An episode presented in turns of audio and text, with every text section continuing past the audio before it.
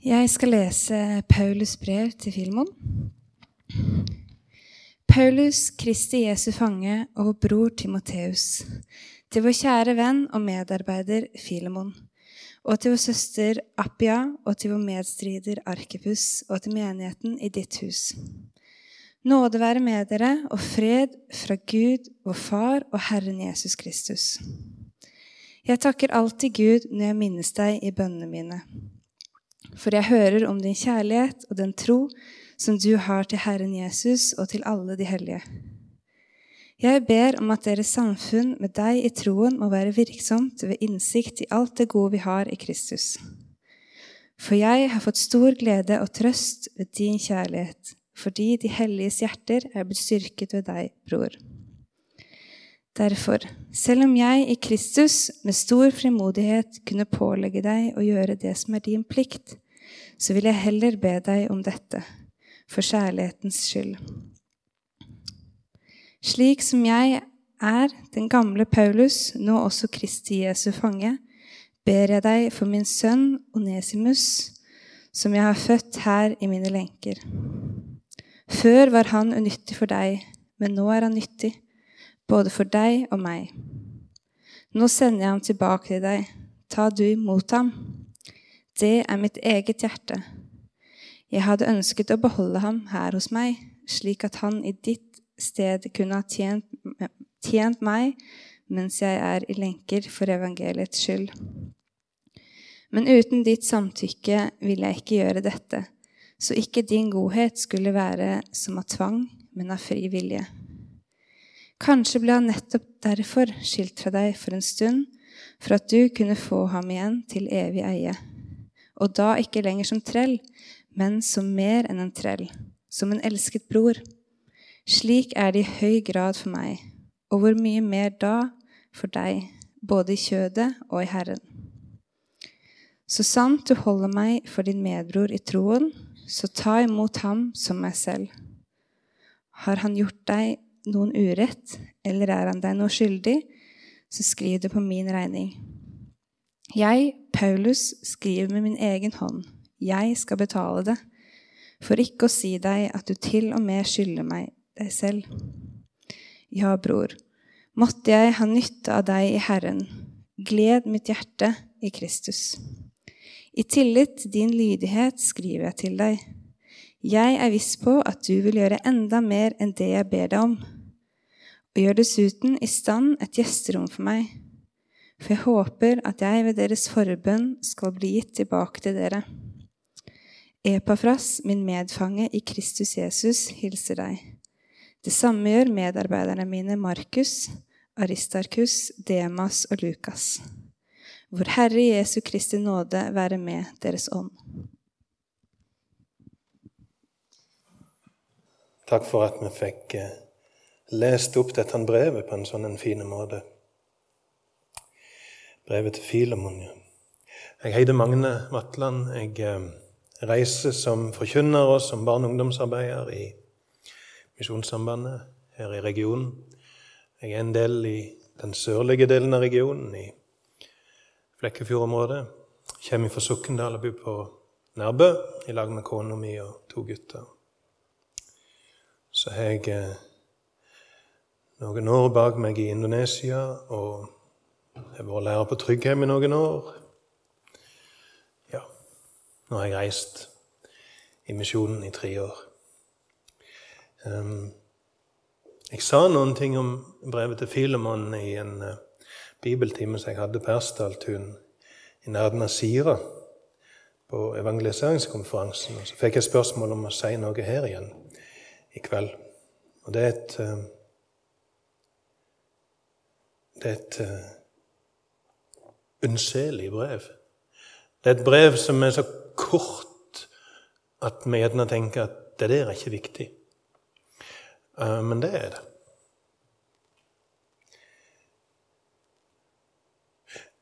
Nå fikk det brevet opplest. Jeg vet ikke om det på en måte greip hva det går i. Det brevet forteller, eller handler om en, om en, om en, en eh, krise. Et, um, et stort problem. Uh, hovedpersonen Heidonesimus han er bare så vidt nevnt med navn, men alt handler om Onesimus, som er en rymd slave fra Colosseum i dagens Tyrkia. Um, han har rymt ifra Filemon. Kommer til Roma, er det mest sannsynlig da. Eh, der Paulus sitter. Han møter Paulus, og Paulus forteller om Jesus. og Onesimus blir kristen. Onesimus får et, en, en, trang til å reise hjem igjen til, til Colosseum, hjem igjen til Filemon og, og de han kjente der. Og så har han et problem, for han er en rymdeslave. Og en eh, slaveeier hadde, hadde full anledning til å straffe slaven sin når han hadde prøvd å rømme. Så Onesimus har et stort problem. Hvordan skal jeg komme hjem? Risikere dødsstraff. Det, det, det, var helt reelt at Onesimus kunne frykte dødsstraff.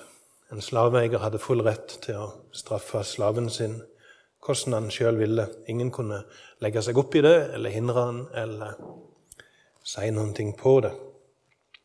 Og Paulus skrev et brev til Filemon, der han ber Filemon om å ta godt imot Onesimus igjen. Det er brevet til Filemon. Et kapittel. Unnselig. Um, men i alle fall for én mann så har dette brevet vært utrolig viktig. Og han heter Onesimus.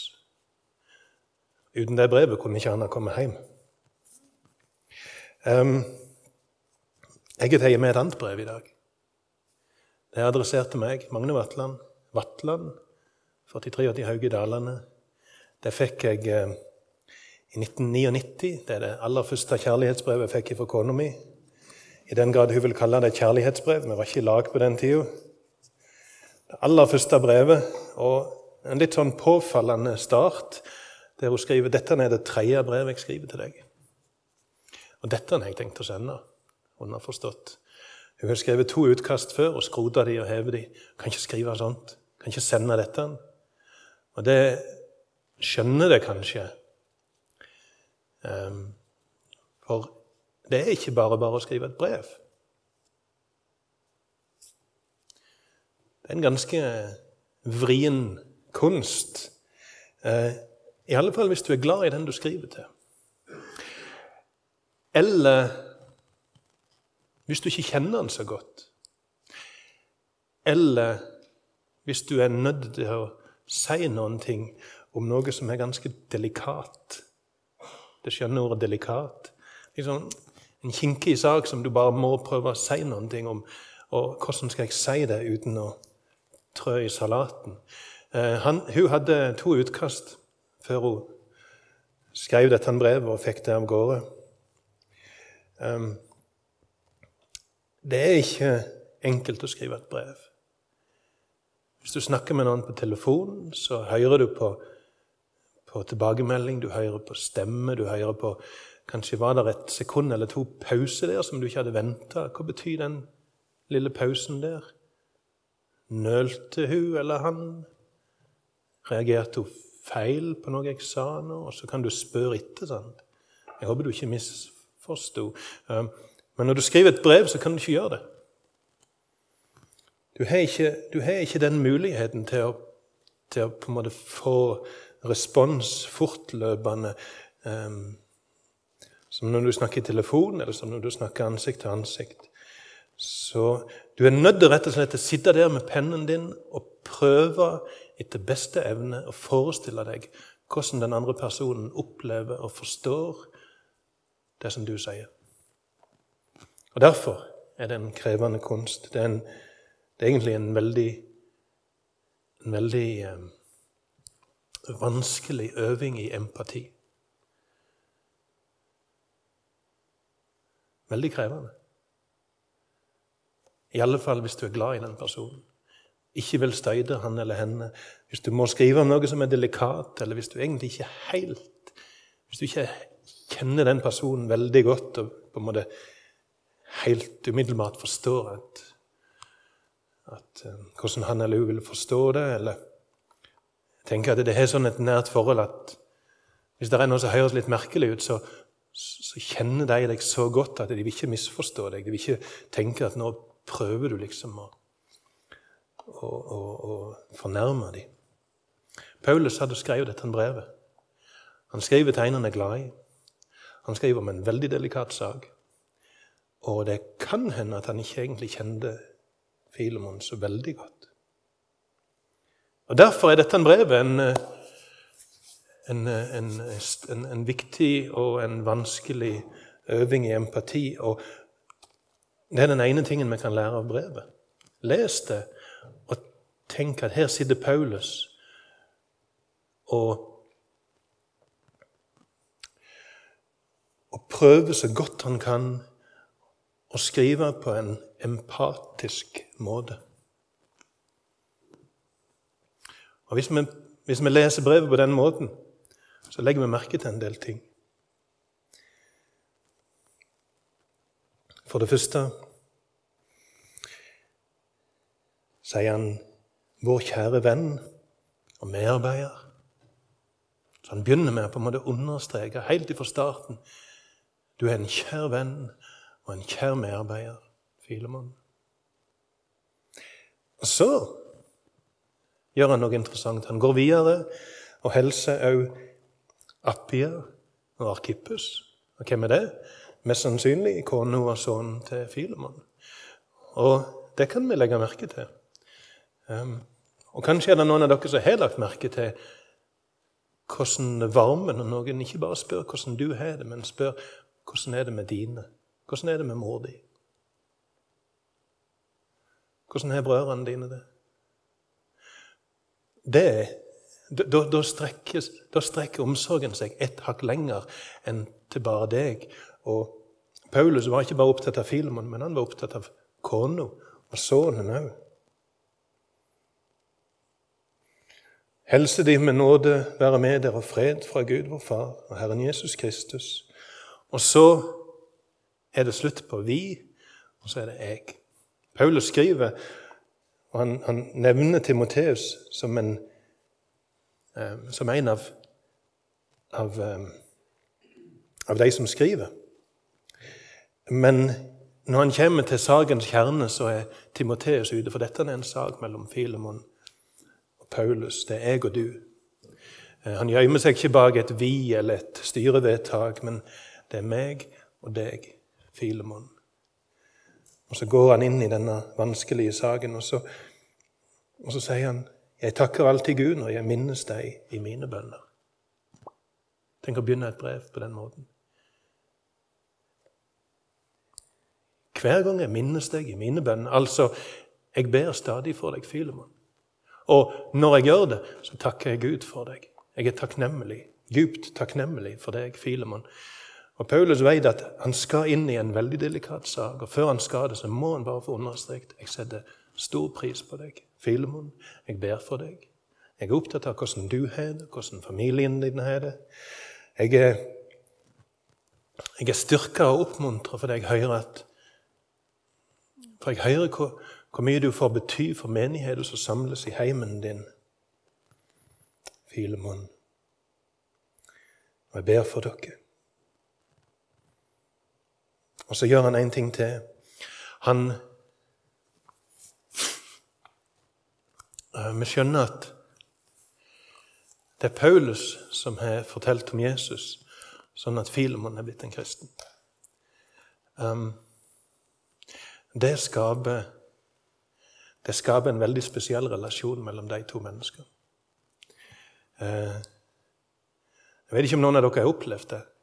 At på en måte det er en, en person som har ført dere til Jesus. Hvis det har det, så vet jeg at det er et spesielt forhold der. Det er en djup takknemlighetsgjeld. En følelse av en takknemlighetsgjeld, antagelig. Og, og, Paulus kunne ha brukt denne. Eh, nå skal du høre her, Filemon. Du kan gjøre sånn som dette. Det sier ikke Paulus. Men han sier, 'Jeg vil ikke pålegge deg dette, men jeg vil be deg om det, Filemon.' Jeg vil be deg. Jeg vil bønnfalle deg. Vil, det er på en måte som om Paulus gjenger ned på kne, og så, og så bønnfaller han en mann som han er ført til Jesus. Ser det, den, ser det hva han holder på med her? Han hadde full rett. Han var den aldrende Paulus, store evangelisten, misjonæren, apostelen. Han var den som hadde ført Filemon til Jesus. Han hadde full anledning til å utnytte dette overtaket av relasjon og posisjon til å bare kommandere Filemon, til å gjøre det som han ville. Men så er det som den store Paulus gjenger ned på kne, bønnfaller Filemon om en ting. Vil be deg om en ting, du, Filemon. Jeg sender en mann til deg nå. Jeg vil be, jeg vil be om at du tar godt imot han.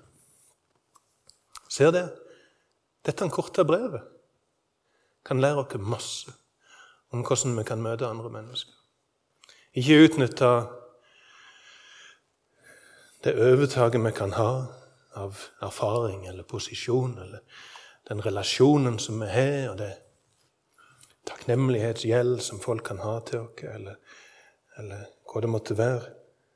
Vi kan, vi kan stå i fare for å utnytte det, vi kan stå i fare for å manipulere folk, bruke, bruke det vi har oppnådd av relasjon og posisjon, maktovertak, til å få viljen vår. Paulus lærer oss at vi skal ikke gjøre det. Vi kan be. Vi kan be.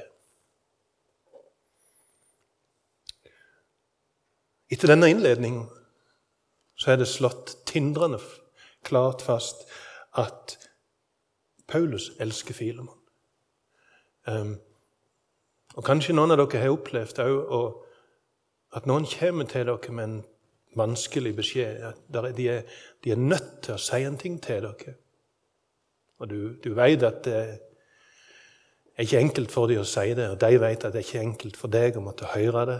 Men, men, men uh, før de sier det, så, så slår de tindrende klart fast at, at de setter veldig pris på deg. Og, og, det de er nødt til å si nå, har ingenting med at de er mindre glad i deg, eller det, det rokker ikke med kjærligheten. Inderlig glad i deg. Utrolig takknemlig for deg. Og når, har, når det er blitt slått fast, så, så har du på en måte en sånn en, en trygghet. Du kan høre den tunge beskjeden. Og Nå kommer Paulus til den vanskelige beskjeden. Han skal rett og slett si noen ting om hvordan Filemon skal behandle slaven sin. Og da, er han Da er det fort gjort å trø i salaten.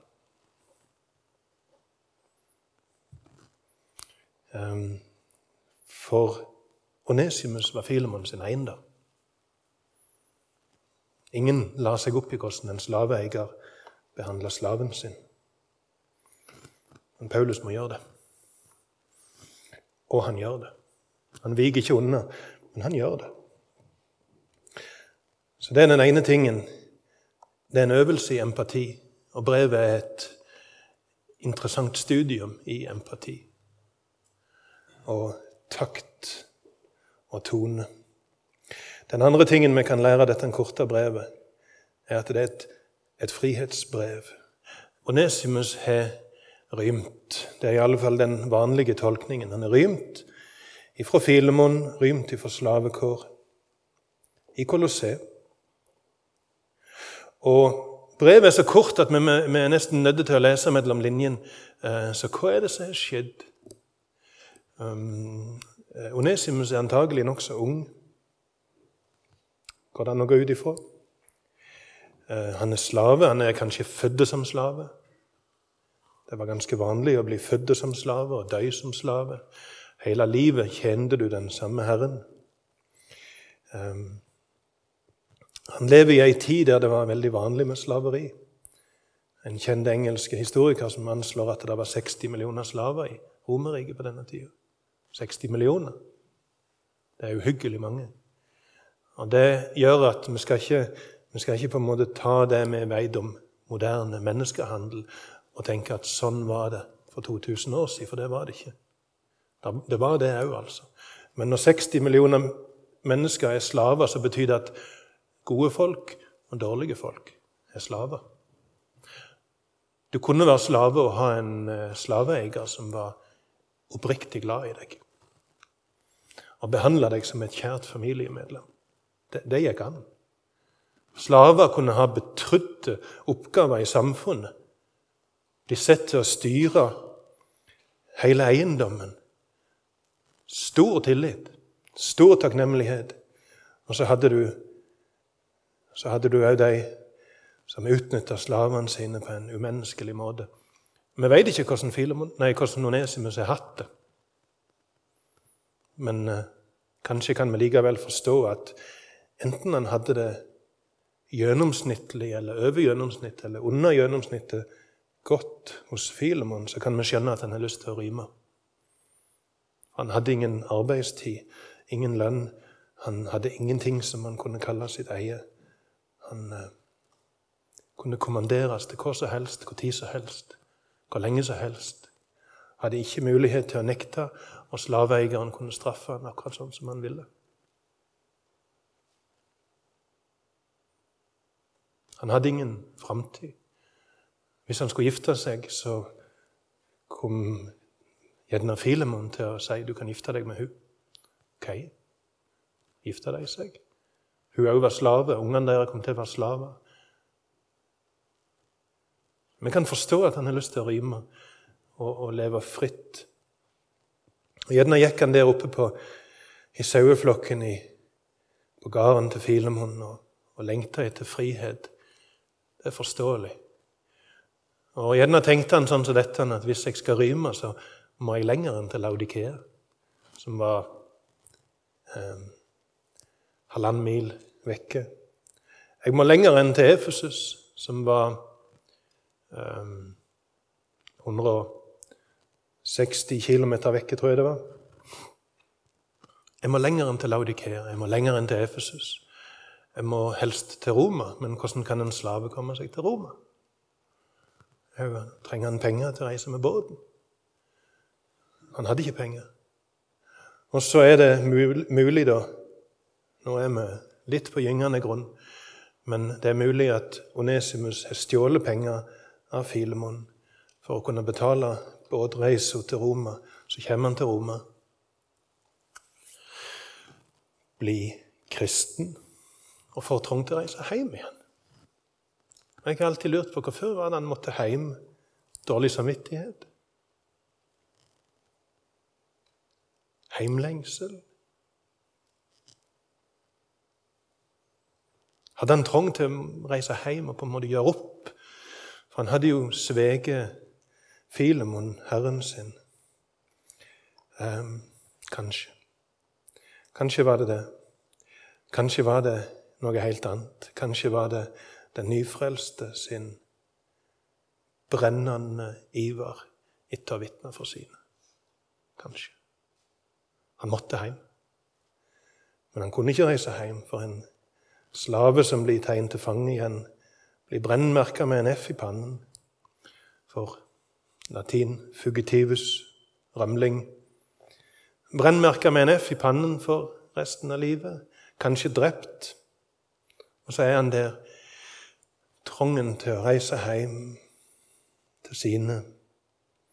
Frykten for hva som skjer hvis han reiser hjem. Og så er det at Paulus sier det forløsende. Jeg skal skrive et brev til Filemon. Jeg kjenner Filemon. Og Paulus setter seg ned og skriver brevet til Filemon. Og kanskje sitter Onesimus der og hører på. Tenk, tenk hvis du er Onesimus, og så hører du når, når Paulus går der og dikterer hva som skal stå i brevet. Jeg ber for min sønn Onesimus, som jeg har fått her i mine lenker. Jeg sender han til deg nå, og det er som om jeg sender mitt eget hjerte til deg. Filo. Ta imot han som meg sjøl. Ta imot han som om det var jeg som kom. Hvis han skulle deg noen ting Ja, det gjorde han antagelig. Hvis han skulle deg noen ting, hvis han har gjort deg noen urett, så før det på min regning. Det skal jeg betale. Og så er det, kan det se ut som om Paulus gjenger bort og tar pennen ifra han som skriver. Det var vanlig at Paulus hadde en sekretær som skrev mens han dikterte. Så er det som om han gjenger bort og tar denne pennen og og skriver det med, med, med sin egen hånd. Jeg skal betale. Kanskje Onesimus sitter og hører på.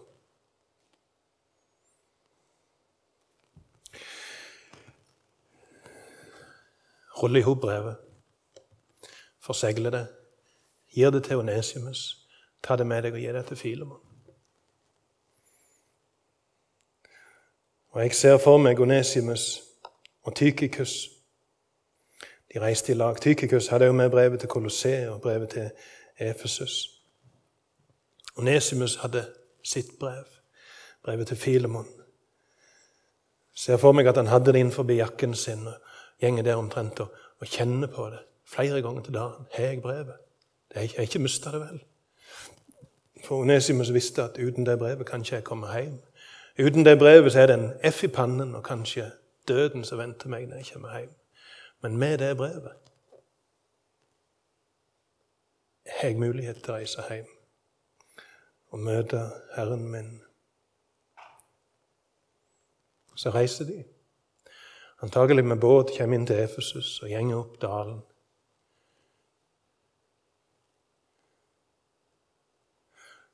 Bøyer av etter noen dager opp Lykesdalen mot, imot Colosseum og Laudikea. Til slutt så ser de Colosseum der med et stort fjell som heter Kadmusfjellet, i bakgrunnen. Så gjenger Onesimus og banker på døra hos Filemon og rekker han brev. Og det er et bilde på hvordan det er med oss alle, for vi er vi òg tilhører noen. Vi tilhører Gud, og Han eier oss, og Han har full rett til å bestemme over oss. Vi har egentlig ikke verken ferie eller lønn eller noen ting. Han eier oss. Og Vi har vært ulydige, og vi har grunn til å frykte å komme hjem igjen, og så er det som om Jesus skriver et brev for oss. Et brev som vi kan ta med oss, og så, sier Jesus nå, Gud, nå kommer der ei til deg som jeg har blitt veldig glad i. Eh, og når han eller når hun kommer nå til deg, så er det som om jeg sender mitt eget hjerte til deg, far. Og jeg ber om at du må ta godt imot henne. Ta godt imot henne, ta godt imot han. Ta imot han som om det var jeg som kom, sier Jesus. Hvis hun skulle deg noen ting, hvis hun har gjort noe dumt eller galt eller vært ulydig, um, så før det på min regning, for det skal jeg betale. Så får vi dette brevet. Det er Bibelen vår, det er evangeliet. Og så kan vi gå hjemover imot himmelen. For vi går hjemover mot himmelen i Jesu navn og ikke i vårt eget navn. Akkurat som Onesimus går imot Kolosseum i Paulus sitt navn. På grunnlag av Filemon sin kjærlighet til Paulus, ikke på grunn av Filemon sin kjærlighet til Onesimus. Og vi går imot himmelen ikke av det som vi har gjort eller fått til, men av det som Jesus har gjort. Og I lag med Onesimus gjenger Tykikus. Han har med brevet til Kolossé. Og Derfor er det litt interessant å lese brevet til Filemon i lag med brevet til Kolosse. Kolosserne 2,14. Han strauk ut skuldbrevet som gikk imot dere. Han tok det vekk når han nagla det til kors. Hva er det? Det ble lest. Første gangen det brevet ble lest, var i stua til Filemon. Menigheten som samles i huset til Filemon. Der ble det lest for første gang. Og han, En av de som satt der, heter Onesimus, en nylig heimvendt slave. sitter der og hører. Han tok ut skuldbrevet. Han, han sletta ut skuldbrevet imot dere, det som gikk dere imot. Det som var skrevet med bud. Han, han strøk det ut når han nagla det til kors. Betalte det. Tok på seg alt i hop. Akkurat som Paulus hadde tatt på seg Onesimus sin skuld. Ja Har jeg to minutter til? Håper det. I 1215 så ble det undertegna et brev i England. Eh, Kong Johan, som blir kalt Lachlan, som betyr Jeg er ikke i slekt med han, altså. Eh, Johan Lachlan, det betyr Johan uten land. Det er den onde prins Johan som jeg kjenner fra Robin Hood-bøkene og filmene, forresten. Kong Johan han hadde blitt konge. Han ble tvungen til å undertegne et brev som eh, slo fast at ingen hadde lov til å straffes uten lov og dom. Det høres helt selvsagt ut, men for England så var det et stort framsteg. Det var et så stort framsteg at dette brevet, eller dette skrivet, ble kalt for Magna Carta. Det store frihetsbrevet. Ingen kunne lenger straffe seg uten lov og dom. Det er jo fantastisk. Og vi tar det som en selvfølge. For dem var det et stort framsteg. Alle skulle være sikra rettferdig behandling. Og De kaller det Magna Carta, det store frihetsbrevet. Men det er jo helt vilt. Det store frihetsbrevet, det er her. Det er Bibelen. Magna Carta i England fra 1215. Sikra ikke folk noe bedre enn en rettferdig behandling? Eh, det var jo det som var problemet. Onesimus sitt problem var at han frykta en rettferdig behandling. Det var en F i pannen og kanskje dødsstraff.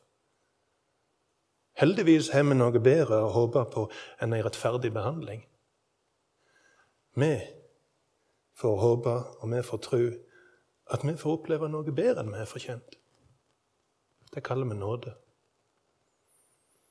Vi får håpe og vi får tro at vi skal få oppleve nåde. Det er det store frihetsbrevet. Takker deg, kjære Jesus, for at vi skal få gå imot himmelen i ditt navn. I trygghet og i tillit på grunn av det som du har gjort. Og det må ha vært fantastisk for Onesimus å gå imot eh, Kolossea, gå imot heimen til Filemon og vite hva som sto i det brevet. Tenk at Paulus skrev det. Det er mitt eget hjerte. Ta imot den som om det var jeg som kom. Jeg skal betale alt. Og takk at vi òg har sånn noen løfter for deg, Jesus, og får gå imot himmelen. I trygghet og forvissning om at, at du ber for oss. At vi vil bli mottatt i himmelen en gang som om det var du som kom, Jesus. Det er for stort til at tanken klarer å fatte det. At vi, jeg, skal bli mottatt i himmelen en dag som om det var du som kom. Be om at du må utvide hjertet og tankene våre, sånn at vi klarer å fatte noe av hvor stort det er. Be om at hjertet vårt kan få renne over takknemlighet til deg, Jesus.